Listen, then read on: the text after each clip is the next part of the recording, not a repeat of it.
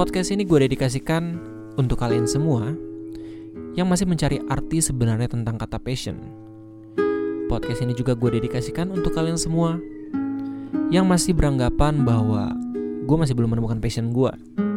Atau buat kalian semua yang udah beranggapan bahwa gue udah menemukan passion gue. Selamat datang di Rebuat Podcast, podcast serius santai yang asik banget buat temenin waktu luang lo bersama gue sebagai host kalian.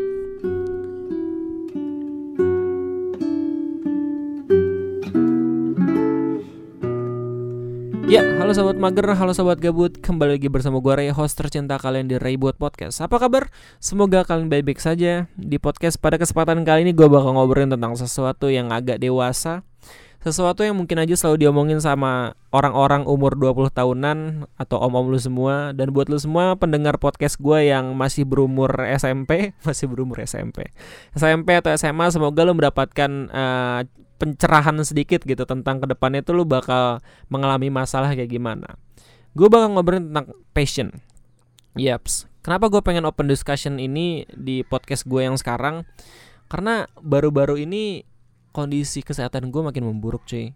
Kayak uh, kesehatan mata gue makin udah susah uh, dikendaliin. Yang awalnya gue sehat-sehat aja, nggak pakai kacamata. Tiga tahun gue nge YouTube, dua tahun deh, dua tahun gue nge YouTube. Akhirnya gue pakai kacamata juga. tapi bukan kacamata minus bukan kacamata plus uh, tapi kacamata anti radiasi gitu jadi gue selalu pakai kacamata sekarang setiap kali gue ngelihat komputer ngeliat layar tapi meskipun gue tahu kesehatan mata gue semakin memburuk itu nggak menghentikan gue untuk selalu kerja overwork gitu. Nah itu yang ngebuat gue penasaran kenapa gue bisa ngelakuin hal itu dan kenapa gue bisa selalu enjoy sampai sekarang kerja overwork? Gue pengen ngasih tau ke lo dan mungkin aja gue udah ngasih tau lo lewat video gue yang terbaru. Kalau misalnya gue itu biasanya ngedit, nge-review ataupun nyari bahan terkocak itu mulai dari jam 6 pagi. Abis itu gue selesai kira-kira biasanya jam 9 malam dan itu gue lakuin secara terus menerus. Buat kalian semua yang berpikir ah gue mah cuman kerja di hari-hari yang gue mau doang enggak cuy. Gue memutuskan untuk e, menyesuaikan jam kerja gue buat terkocak ini sesuai dengan office work. Bedanya gue cuma libur sehari. Dan libur itu bukan hari Sabtu, bukan hari Minggu, tapi hari Senin. Jadi orang-orang ketika uh, menjelang hari Senin tuh pada sedih ya, pada depresi gitu. Gue senang sendiri gitu soalnya ketika lo memutuskan hari libur lo itu weekdays atau hari Senin, lo kayak kalau misalnya ke mana-mana kan jalanan gak macet, Habis itu kan lu bisa lowong tuh mau ke mana-mana kan enjoy Dan lagi pula kan gue bisa ke mana-mana sendiri Dan nge-explore tempat-tempat yang belum pernah gue kunjungin Lebih asik gitu Makanya Senin gue putuskan untuk menjadi hari libur gue. Tapi poinnya bukan di situ. Poinnya adalah gue libur sehari dan gue ngelakuin jam kerja dari jam 6 pagi sampai jam 9 malam. Itu secara enam hari. Orang-orang yang office work biasanya Sabtu Minggu, Sabtunya itu pasti masuk setengah hari. Gua Sabtunya itu pasti tetap masuk sampai uh, jam 9 malam. Dan lu bayangin. Oke, mungkin uh, diantarkan semua mikir langsung kayak ah lu kan masih bisa kerja di rumah gitu lu kan enjoy lu kan masih bisa apa namanya ketemu sama keluarga lu gitu. Itu nggak akan enjoy lagi ketika lu lakuin itu secara terus menerus cuy. Makanya gue mempertanyakan diri gue apakah yang gue lakuin ini benar-benar atas dasar passion atau bukan? Karena kalau misalkan ini tentang passion gue pasti selalu menikmati setiap prosesnya gitu. Tapi akhir-akhir ini gue nggak menikmati itu Gue berasumsi mungkin gara-gara gue sakit, gue jadi bukan menikmati prosesnya tapi menikmati rasa sakit gue sendiri yang gue hasilkan sendiri gitu. Makanya apakah ini masih gue rasakan sebagai pekerjaan yang sesuai dengan passion gue? Nah, gak usah khawatir. Setelah uh, sebelum gue ngebuka diskusi ini, sebelum gue buat podcast ini, gue sempat nanya ke beberapa teman-teman deket gue tentang apa arti passion dan juga pertanyaan-pertanyaan lanjutan. Gue pengen bilang dulu mohon maaf buat kalian semua yang emang gue nggak nanyain lewat Instagram. Saya kalau misalnya gue tanya ini lewat Instagram banyak banget pasti responnya dan gue nggak bisa saring itu satu persatu. Dan karena emang gue juga orang yang gak enakan, gue tuh orangnya kalau misalkan belum ngebales replyan kalian tuh gue sedih gitu. Sampai sekarang gue masih sedih nih. Di Instagram gue tuh banyak banget yang belum dibalas gitu. Ada 99 orang lebih anjir. mohon maaf nih. Makanya ketika gue pengen memutuskan untuk open discussion lewat Instagram tuh gue kayak mikir nih ke depannya pasti gue nggak bisa nge-reply semua balasan kalian ya makanya ya udah lebih baik gue langsung nanya ke teman-teman deket gue aja. Kalau nggak salah ada 8 orang gue nanya tentang passion itu apa jadi intinya adalah gue ketika nanya itu gue nggak pengen uh, menjerumuskan kalian ke dalam sebuah definisi passion sesuai dengan subjektivitas gue doang. Gue berusaha untuk objektif tentang apa arti passion sendiri Nah tapi sebelum gua ngutarain semua pendapat dan argumen teman-teman gua, izinkan gua untuk menjelaskan terlebih dahulu tentang apa arti passion. Dan gua berpikir apa arti passion sesuai gua tuh pasti semua orang juga uh, merasakan demikian gitu, berpikir demikian. Jadi passion menurut gua adalah pekerjaan yang memang lu senangin dan lu rela untuk melakukan hal itu lu juga nggak berpikir tentang hasilnya lu juga nggak berpikir tentang apa yang lu dapat yang penting lu enjoy dengan setiap proses yang lu alamin. Itu passion menurut gue dan gue tanya itu ke teman-teman gue dan teman-teman gue juga 80% 90% bilang kalau misalnya passion itu adalah hal yang gue bilang sebelumnya. Pertanyaan yang terbesit pertama kali ketika gue mempertanyakan jam kerja gue itu apakah passion bisa membuat orang menjadi pilih-pilih? Gue setelah lulus itu gue nyari pekerjaan sesuai dengan passion gue dan selama satu tahun gue belum dapat pekerjaan sama sekali. Tapi nggak usah khawatir. Alhamdulillah gue bukan orang yang emang susah buat dapat kerjaan gitu. Gue justru susah dapat pekerjaan karena gue pilih-pilih dan itu merupakan suatu kesalahan terbesar bagi fresh graduate. Jadi kalau misalnya buat kalian yang baru lulus jangan ngikutin langkah gue oke. Okay? meskipun pada akhirnya gue jadi content creator yang udah pengen satu juta subscriber asik. Tapi yang jelas adalah gue sedikit menyesal karena gue nggak mencoba untuk bekerja uh, secara profesional di perusahaan besar misalkan. Karena ya hal itu juga perlu sih buat ngasah kemampuan lu skill lu dalam disiplin dan segala macem. Lu kayak punya suatu hal yang nggak dimilikin sama orang yang baru pertama kali langsung terjun ke dunia wirausaha gitu terjun ke bikin usaha sendiri gitu. Justru orang-orang yang emang merasa gagal di awal dia apa namanya kerja secara profesional di suatu perusahaan tertentu kayak punya niat sendiri kayak punya uh, kekuatan sendiri untuk bisa membuat sebuah usaha yang lebih baik dibandingin orang-orang yang emang langsung terjun untuk buat usaha kayak gitu. Jadi ya gara-gara gua mencari pekerjaan sesuai passion gua gue stuck di satu tahun gue nggak kerja sama sekali gitu. Makanya gue nanya apakah passion itu bisa buat orang pilih-pilih gitu. Gue tanyain ini ke teman-teman gue dan jawabannya beragam. Gue senang banget kalau misalkan jawabannya beragam. Ada yang bilang iya passion itu bisa bikin orang pilih-pilih. Ada yang bilang enggak as long as uh, ketika lo udah menekuni passion lo sebelum lo kuliah atau sebelum lo kerja lo akan mudah mendapatkan pekerjaan yang emang sesuai dengan passion lo sendiri nah itu jadi paradoks bagi yang gue rasain. Di mana ketika gue nge YouTube itu gue udah mulai dari kuliah. Jadi gue nggak harusnya bingung sama uh, jalur gue untuk menemukan passion gue itu kayak gimana gitu.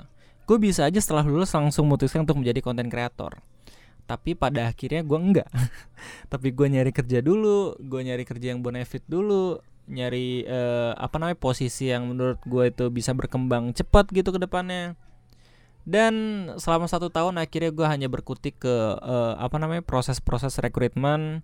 Meskipun udah dapat kontrak gue kalau nggak salah tuh udah dapat 6 kontrak ya waktu gue setelah lulus itu. Terus gue cerita kan ke pembimbing skripsi gue dosen gue dia langsung marahin gue dia bilang kayak kamu mau di blacklist jurusan kita? Terus gue bilang enggak kok pak. Ini ada teman kita juga yang emang masuk ke sana. Oh ya udah nggak apa-apa kayak gitu. Gue mikir kayak apakah passion itu bisa buat orang pilih-pilih? Passion itu halu nggak sih?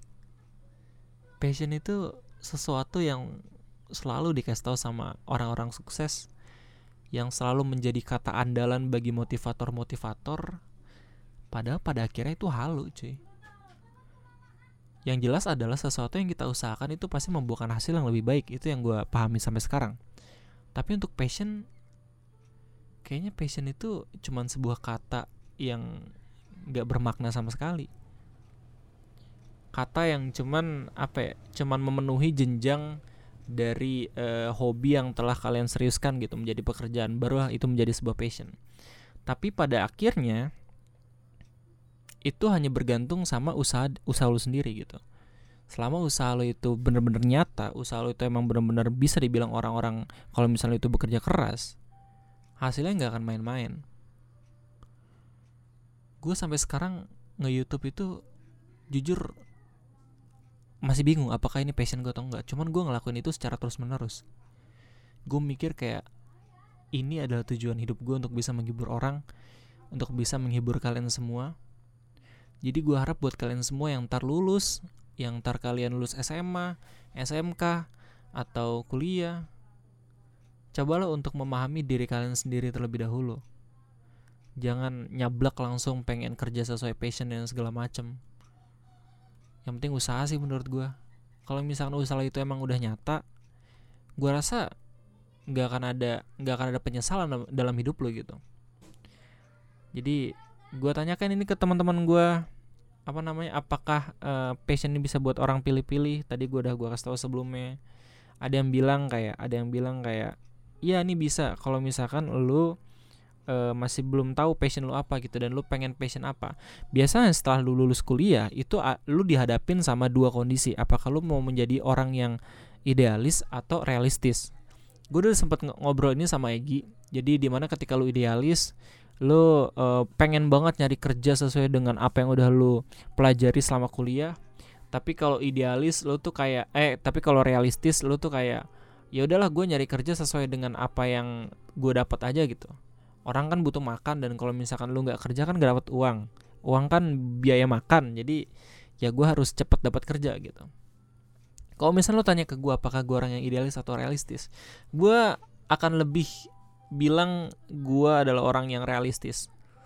Karena yang pertama gue nggak kerja sesuai dengan jurusan gue jurusan gue tuh benar-benar melenceng banget sama apa yang gue kerjain anjir. Gue kayak putar balik. Belajar termo termodinamika belajar fisika belajar mekanika fluida. Jadinya konten creator ada tau youtuber yang kayak gitu juga? E, kayak Usama Harbata kalau nggak salah. Dia orang teknik kalau nggak salah. Terus akhirnya jadi pelawak. Terus ada lagi tuh uh, Trio Legend lah. Dona Casino Indro. Mereka kan orang-orang pinter ya Kuliah tuh. Tapi mereka memutuskan untuk menjadi pelawak Dan ya nggak nggak salah juga. Kadang orang-orang ketika kita mengikuti apa yang kita suka tuh Bisa mendapatkan sebuah rezeki yang nggak tahu dari mana datangnya Tapi dadakan dapat aja. Abis itu gue tanya lagi ke teman-teman gue Tentang seputar passion pastinya. Gue nanya apakah hobi itu bisa disebut passion. Karena jadi content creator itu adalah awal gue menyukai hobi gue gitu kalau misalnya lo tanya ke gue di CV gue itu hobinya apa hobi gue membaca. Alibi anjir. Biar kelihatan bagus aja buat diwawancara gitu. Tapi pada akhirnya kalau misalnya lo tanya ke gue apa hobi lo hobi gue adalah ngedit. Hobi gue adalah buat video dan ngebuat orang-orang seneng dengan apa yang gue buat. Jadi waktu gue kuliah nggak aneh lah gue disuruh-suruh buat bikin video disuruh bikin dokumenter dan segala macem gitu dan gue sadar banget apa yang gue buat sekarang apa yang gue uh, lakukan sekarang itu emang based on my hobby gitu. Tapi gue nggak tahu apakah ini udah passion atau enggak gitu. Apakah ini masih passion atau enggak gue tanya apakah passion itu eh apakah hobi itu bisa disebut passion? Kalau misalnya lo tanya ke gue sebelum gue nanya gue bakal jawab kayak hobi itu bisa jadi passion lo bahkan passion lo itu bisa jadi hobi lo gitu jadi kayak hubungan setara kalau menurut gue kayak hobi lu itu ya lu bisa lu seriusin bisa jadiin passion tapi hobi lu juga bisa jadi hobi sendiri gitu. Ketika hobi lu lu jadiin passion lu ketika passion lu di passion lu itu hobi lu kayak menemukan sebuah titik di mana lu akan merasa gue bisa expert nih di bidang ini gitu. Meskipun lu itu nggak uh, menempuh jalur pendidikan untuk hobi lu sendiri. Contohnya fotografi misalkan atau editing banyak banget yang nanya ke gue bang Ray lu tuh ngedit tuh belajar dari mana sih? Gue didak cuy. Gue nggak diajarin sama siapa-siapa. Dulu waktu zamannya gue belajar ngedit tuh susah banget tutorial didapat gue cuman uh, bertempur sama yang namanya website video copilot dan Tara Arts. Cuman gue lebih uh, apa namanya sering banget mengunjungi website video copilot ini. Bahkan Tara Arts itu kayak lokal version dari video copilot lah kayak translate dan segala macem. Ya kayak gitu. Cuman akhirnya Tarats itu memutuskan untuk ngebuat genre baru dan buat tutorial-tutorial yang lebih original lagi. Jadi hanya butuh waktu aja sih orang yang berubah dari yang tadinya translator jadi buat original content sendiri gitu. Makanya gue nggak terlalu mencamkan calon sarjana dan juga YouTube crash gitu. Dia juga butuh waktu untuk berubah. Tapi ya calon sarjana tuh masih menikmati kegelimang hartanya jadi mereka tuh nggak nggak sadar gitu yang mereka lakukan itu salah. Barulah mereka sadar ketika ada youtuber bule yang tahu video dicuri sama dia gitu. Makanya ya itu jadi pelajaran yang penting. Nah gue tanya kan ke teman-teman gue abis itu secara objektivitasnya. Terus teman-teman gue ada yang bilang kayak hobi itu eh passion itu satu tingkatan di atas hobi. Di mana ketika lu seriusin lu jadi passion passion itu kan kayak sesuatu yang udah bisa menghasilkan. Meskipun lu nggak peduli dengan apa yang dihasilkan tapi seenggaknya lu bisa kayak apa ya bertahan hidup karena passion lu gitu. Terus ada yang sama juga kayak gue passion itu bisa jadi hobi bisa enggak dan segala macam nah yang menarik nih ada pertanyaan terakhir yang menarik menurut gue apakah ketika orang itu menemukan passionnya orang tersebut terhindar 100% dari yang namanya kejenuhan karena setahu gue orang-orang yang kerja realistis pasti akan merasakan yang namanya kejenuhan gitu. Gue tanya ke teman-teman gue, jawabannya beragam. Dan gue senang banget kalau misalnya beragam, soalnya gue bisa narik kesimpulan sendiri dari sana gitu. Ada yang bilang enggak, karena passion, ketika lu udah menemukan passion, lu enjoy di setiap momen lu lakuin hal itu gitu. Jadi lu nggak akan ngerasa jenuh sama sekali. Orang-orang yang ngelihat lu mengerjakan passion pasti beranggapan bahwa anjir susah banget nih. Lu ngelakuin ini lu hebat banget. Padahal dari pandangan lo, dari sudut pandangan lo, lo ngelakuin hal itu, itu kayak gampang banget, kayak enjoy banget. Itulah passion. Jadi lo nggak ngerasa jenuh. Meskipun orang-orang mengira yang lo lakuin itu bisa membuat orang-orang jenuh gitu. Ada juga yang bilang kayak passion itu masih bisa bikin orang jenuh. Lo tau istilah burnout nggak? Di mana lo udah muak banget sama satu titik, lo nggak mau ngelakuin hal itu lagi, lu kayak bener-bener males mager dan udah kebakar lah otak lu gitu. Gara-gara lu ngelakuin ini berpola secara terus menerus gitu dan lu stres lu nggak ada kemajuan sama sekali meskipun itu udah passion lu lu bakal muak sama hal itu dan lu pengen hal yang baru. Itu uh, komentar dari temen gua yang gua istilahkan sebagai burnout ya. Temen gua ngasih contoh yang emang menarik banget kayak Reza Rahardian misalkan kita pernah dengar kabar kan kalau misalnya Reza Rahardian itu uh, berhenti acting untuk sementara waktu. Kenapa? Karena dia dia bilang dia jenuh dan dia pengen uh, berhenti menekuni hal itu dulu gitu. Terus pada akhirnya dia balik lagi dan banyak banget kontrak yang masuk dan akhirnya kita bisa ngelihat banyak banget film yang dibintangi sama Reza Rahardian. Salah satu contoh lain yang dikasih temen gue itu salah satu pemain basket yang mana dia itu ngerasa jenuh uh, selalu melakukan hal itu meskipun itu passion dia. Habis itu dia berhenti sejenak, habis dia berhenti sejenak, berhenti sejenaknya itu nggak nggak bentar ya. Maksud gue tuh berhenti sejenak tuh kayak uh, lu bandingin sama yang udah dia lakuin selama bertahun-tahun, terus lu ngambil porsi sedikit uh, satu tahun misalkan untuk berhenti gitu. Jadi yang gue bilang uh, berhenti sejenak itu nggak bisa dibilang benar-benar berhenti sebentar gitu, nggak cuy. Tapi kayak lu butuh titik di mana lu tuh harus menemukan motivasi lu lagi untuk bisa menekuni passion lu. Habis itu barulah apa namanya dia menekuni kembali passion dia. Temen gue juga demikian gitu. Nah, salah satu temen gue namanya Yuandanis nih yang gue tuh sempat ngundang dia di podcast gue belum rilis soalnya nantilah ada special podcast gitu sama dia Anjas. Kita bakal ngobrolin soal skripsi dan gue pengen ngebandingin skripsi yang cepat sama skripsi yang paling lama di departemen. Enggak sih, enggak yang paling lama juga sih. Seru banget. Gue udah ngobrol sama Yandani tentang uh, skripsi dan merantau. Mungkin aja itu bisa menginspirasi kalian uh, untuk bisa lebih ini ya enjoy ya for every moment you live gitu sampai sekarang. Karena temen gue Yandanis ini waktu skripsi kan agak lama tuh. Sedangkan gue paling cepat. Cuman realitanya setelah itu beda gitu. Makanya senang banget pengen gue ngobrol sama dia gitu. Dan akhirnya kita udah ngobrol dan abis ngobrol gue rasa itu bisa menjadi pembicaraan yang seru gitu ntar ke depannya. Nah Yunanis bilang kayak gue itu pernah jenuh juga. Meskipun gue itu udah bekerja sesuai dengan apa yang gue inginkan. Kayak dia kan suka banget sama yang pemetaan ya GIS Yunanis ngira ketika dia mendapatkan pekerjaan yang emang uh, memperkerjakan dia untuk melakukan aktivitas-aktivitas GIS dan pemetaan, dia senang banget itu. Dan dia nggak ngerasa jenuh sama sekali. Tapi baru-baru ini dia cerita ke gue kalau misalkan gue juga punya jenuhnya, Ray. Gue punya masa jenuhnya. Yang gue lakuin yaitu basket. Karena gue juga masih punya hobi. Hobi yang gak gue jadiin passion.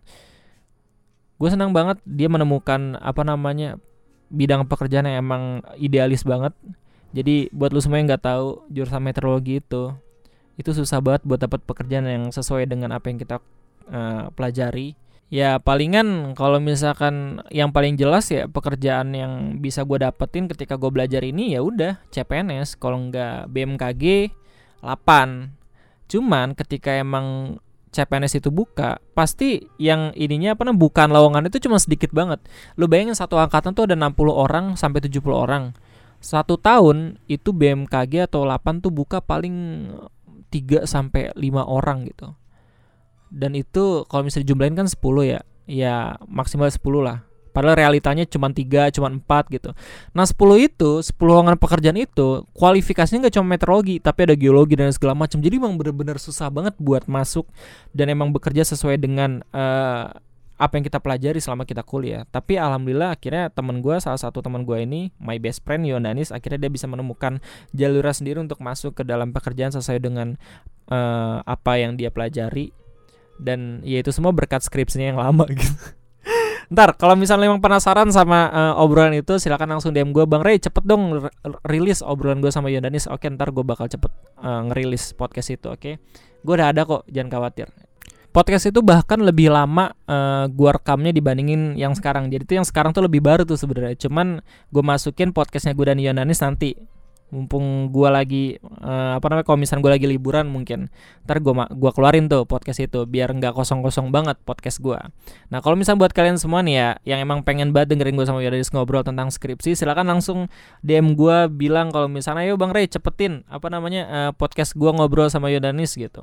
Ntar gue bakal cepetin nah kita balik lagi jadi menurut orang yang udah menemukan uh, pekerjaan sesuai dengan yang dia pelajari dan yang dia yakinkan adalah sesuai dengan passion dia, dia tetap merasakan hal yang namanya kejenuhan.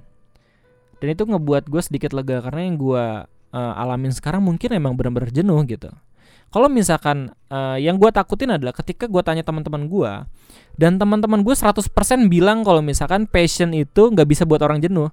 Terus gue lagi ada dalam tahap apa gitu. Kan bingung ya gak sih lo? Lu bayangin lu hobi lu lu jadiin kerjaan ya gak sih? Yang gue yakin itu sebagai passion. Oke gue nganggap uh, pekerjaan gue yang sekarang passion lah gitu. Terus lu burnout nih terus lu jenuh. Lu mau lari ke mana cuy? Hobi lu udah lu pakai sebagai pekerjaan lu dan itu yang bahaya sih. Makanya gue mikir kayak orang-orang yang kerja nggak sesuai dengan hobi dia tuh kayak bener-bener blessing banget gitu bener-bener harus bersyukur banget. Soalnya ketika dia jenuh dia bisa lari ke hobi dia gitu. Tapi ketika orang yang udah bekerja sesuai dengan hobi dia itu pasti susah buat keluar ke lingkaran setan yang emang selalu mengeluh selalu mengeluh langsung sedih nolep langsung ah, lemes lesu bingung gue mau ngapain gitu yang bisa gue lakukan cuma keluar rumah liburan. Liburan juga paling kecuruk dan emang ke tempat yang hijau-hijau soalnya mata gue sakit Hah gitu aja terus cuy sampai mampus Cuman yang jelas adalah gue kira lega ketika gue nanya teman-teman gue tentang uh, apa arti passion dan uh, teman-teman gue dengan baik banget ngejelasin tentang passion. Terima kasih banyak buat 8 orang yang udah gue tanyain. Gue benar-benar bersyukur banget punya teman kayak kalian gue ngerasa apa yang gue alamin sekarang tuh masih bisa gue lalui karena gue juga suka ngehibur orang. Gue juga bisa berada di dekat kalian para pendengar uh, podcast gue yang setia. Gue bener-bener bersyukur banget ada yang dengerin podcast gue karena pada dasarnya orang-orang tuh nyari gue karena emang terlalu kocak gitu. Tapi ketika gue nggak upload terlalu kocak orang-orang tuh pasti pada kecewa sama gue lalu semua yang mendengarkan podcast ini. Izinkan gue untuk memberikan ucapan terima kasih sedalam-dalamnya buat kalian karena ya kalau misalnya nggak nggak karena kalian gue nggak gue nggak bisa ngepodcast gue nggak bisa ngobrol santai bareng kalian gini gitu. Gue nggak bisa mencurahkan hati gue gitu nggak bisa mencurahkan pemikiran gue makanya gue senang banget ada yang bisa mendengarkan gue jadi mungkin itu aja sih. Gue mikir kayak passion itu halu. Passion itu cuma kata-kata yang emang diucapkan sama motivator untuk lo tetap semangat mengikuti jalur dia gitu gue sempat ngobrol eh gue sempat ngedengerin uh, apa namanya gue sempat ngedengerin beberapa podcaster yang ada di Spotify. Uh, podcast mas uh, teman tidur Retropus abis itu Raditya Dika udah pasti sih ya. Terus beberapa podcaster podcaster lain yang gak gue bisa sebutkan. Nah ada salah satu segmen di mana host dari podcaster tersebut ngomong kayak buat apa lo dengerin uh, motivator? gitu. Toh yang motivasi lu juga nggak akan ke mana-mana gitu lu pasti pernah kan nemuin temen yang emang dia itu rajin banget ngemotivasi lu tapi dia tuh nggak ke mana-mana dia tuh gitu-gitu doang gitu. Bahkan lu lebih sukses dibandingin dia gitu. Nah menurut gua nih ya menurut gua kadang kita juga perlu teman-teman yang kayak gitu cuy. Teman-teman yang ngebutuhin teman-teman yang emang ada di setiap kali kita lagi ngedown meskipun dia tuh sendiri nggak ke mana-mana gitu. Makanya ya gua harap dengan lu mendengarkan podcast ini ataupun podcast-podcast lain yang emang memotivasi lu tapi podcasternya belum ke mana-mana anggaplah bahwa dia tuh pengen berjuang dan berjalan bareng-bareng sama kalian pengen ngerasain sukses bareng-bareng sama kalian dan ya motivasi itu nggak salah kan. Jadi kesimpulan dari podcast pada kesempatan kali ini adalah usaha aja, nggak usah nyari kerjaan sesuai dengan passion lu. Usaha nggak akan ngebuang ngebuang hasil. Jadi ya kalau misalnya lu sakit, kalau misalnya lu susah, kalau misalnya lu lagi jenuh gitu, cobalah lu alihkan perhatian lu ke suatu hal lain gitu. Karena gue percaya ketika lu mengalihkan sesuatu perhatian ke perhatian yang lain, lu kayak ada titik di mana lu mendapatkan sebuah motivasi baru untuk memulai lagi apa yang udah lu kerjakan sebelumnya. Jadi itu aja mungkin podcast dari gue. Terima kasih karena udah mendengarkan podcast ini sampai akhir. Gue Ray dan sampai jumpa.